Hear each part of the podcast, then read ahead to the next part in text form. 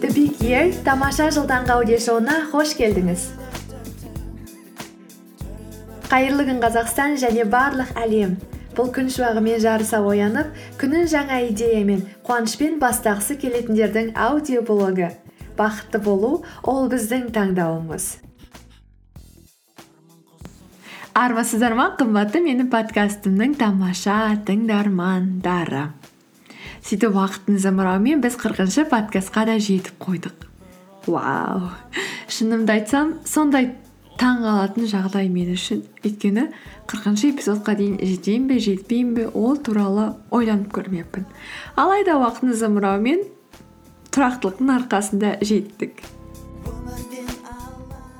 Бүгінгі юбилейный қырқыншы эпизодымды мен өзімнің екі ең тамаша ең тұрақты тыңдарманыма арнағым келеді. Ол екі адам менің ата анам олар әрқашан менің эпизодтарымды асыға күтеді және де подкасттарым шықпай жатса іздеп артымнан ұрысып жүретін адамдар солар. Сондықтан қырқыншы эпизодқа жетсем ол солардың арқасы. Мені әрқашан осындай істерге ынталандырып рухани дамуыма үлес қосқандарыңызға үлкен рахмет және подкастқа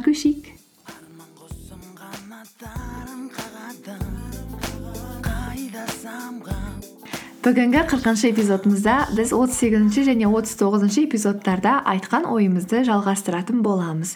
Біз ол эпизодтарда мақсаттардың неге күйрейтінін неге мақсаттарымыз орындалмайды деген сұраққа жауап берген болатынбыз. Және ол сұрақтың жауабы көбінесе өз ішімізден табылатынына тағы бір мәрте көз жеткізген сияқтымыз. Бүгін біз неге? деген сұрақтың орнына қалай? деген сұраққа жауап бермекшіміз. Яғни қалай мақсаттарымызға бір табан жақын боламыз. Қандай істер мен кеңестерді орындап көрсек болады.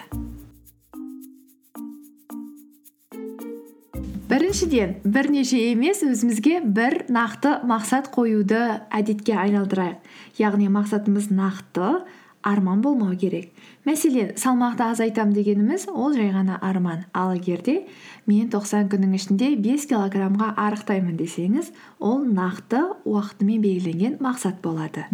Екіншіден жаңа жылды күтудің қажеті жоқ. Яғни келесі жылы жаңа адам боламын сол кезде өзіме жоғары мақсаттар қоямын деп ол жай ғана сөз бен сылтау ғана.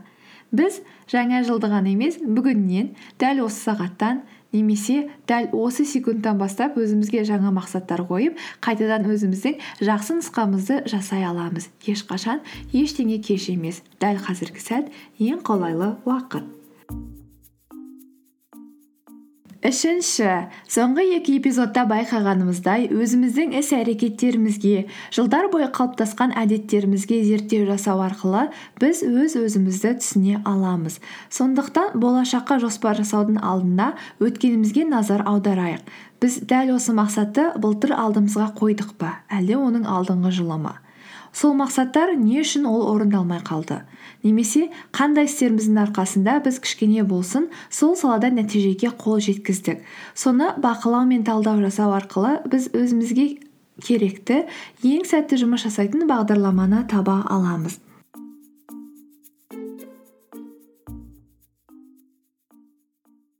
Өзіміздің өткен тәжірибемізді өткен жылдардағы оқиғаларды еске алып оны талдау арқылы енді біз болашаққа яғни келер күндері қандай мақсатты қалай жасайтынымыз туралы жоспар жасауға дайын боламыз. Енді біз бағанағы бес килограммды мәселен қалай азайтамыз?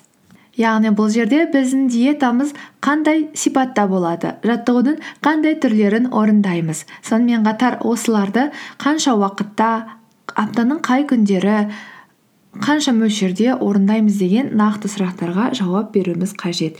Яғни біздің орындайтын істеріміз нақты болған сайын оны орындау мүмкіндігі де арта түседі.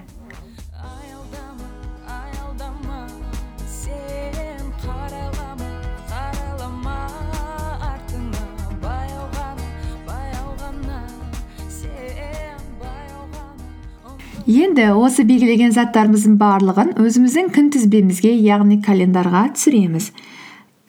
Қай күндері оны істейміз міне жиырма бесі дүйсенбі күні. Мен сағат сегізден онға дейін жаттығу жасаймын және оның отыз минутын жүгіруге арнаймын. Ал сәрсенбі күні таңғы алтыда оянып мен бес километр жүгіремін.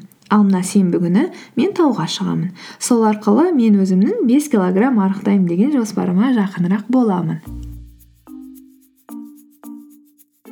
Келесі есіңізде бар ма? Жалған үміт синдромы деген. Сол синдромға ұшырап қалмау үшін біз кішкентай ғана қадамдармен өзіміздің сапарымызды бастайық. Көп адамдар өздерінің алдарына өте үлкен орындалмайтын мақсаттар қойып қойғандықтан оған қол жеткізу мүмкіндігін азайтады және шаршап жолдың ортасында шығып кетуге дайын болады. Ал біз керісінше істейік. Біз кішкентай ғана қадамдар жасайық. Мәселен сіз үшін толық марафон қырық екі километрді жүгіру сондай қиын болып көрінсе онда сіз өзіңіз үшін кішкентай ғана мақсат қойыңыз. Мен келесі марафонда бес километр жүгіремін деп. Бес километрді жүгіру сондай қиын болып көрінбейді. Келісесіз ғой. Кез келген адам жүгіре алады деп ойлаймын. Сөйтіп ақырындап ақырындап бестен онға одан жиырма бірге одан қырық екіге өтіп бір күні өзіңіздің армандаған қырық екі километр жүз тоқсан бес метрді жүгіретін күнге жетесіз.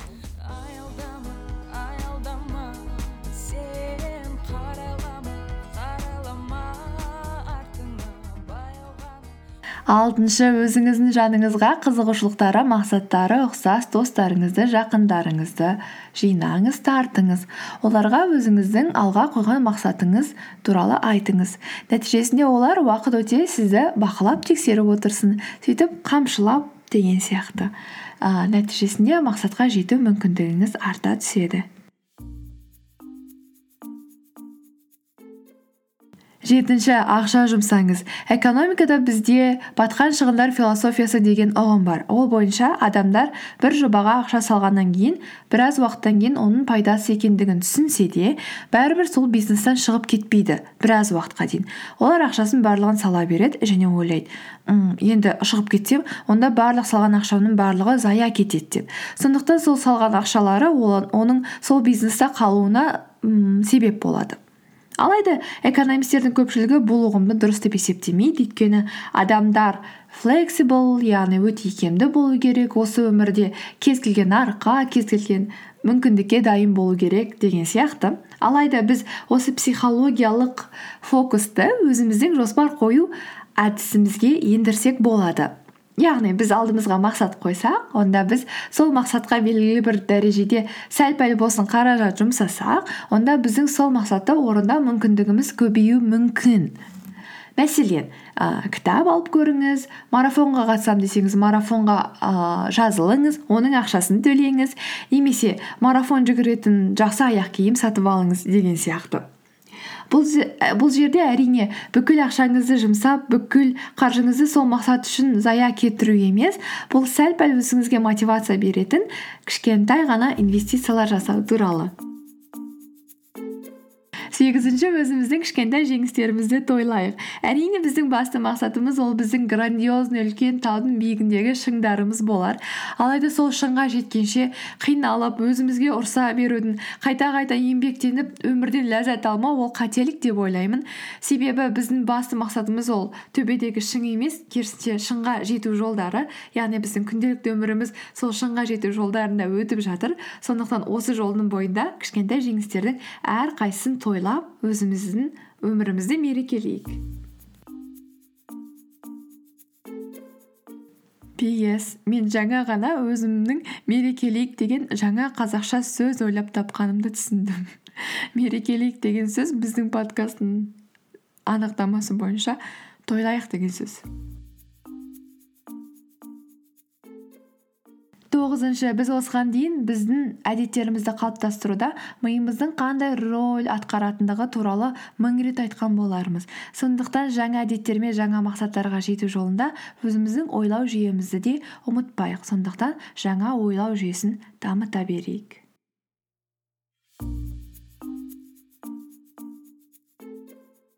Оныншы дәл қазіргі сәтпен өмір сүрейік. Дәл осы сәтте дәл осы күні өзіңіздің алға қойған мақсатыңызға жету жолында не істедіңіз? деген сұраққа жауап берейік. Осымен болды. Сіз талшынның тамаша жыл подкастының қырқыншы эпизодын тыңдадыңыз және бүгін біз мақсаттарға бір табан жақын болуға арналған кеңестермен бөлістік.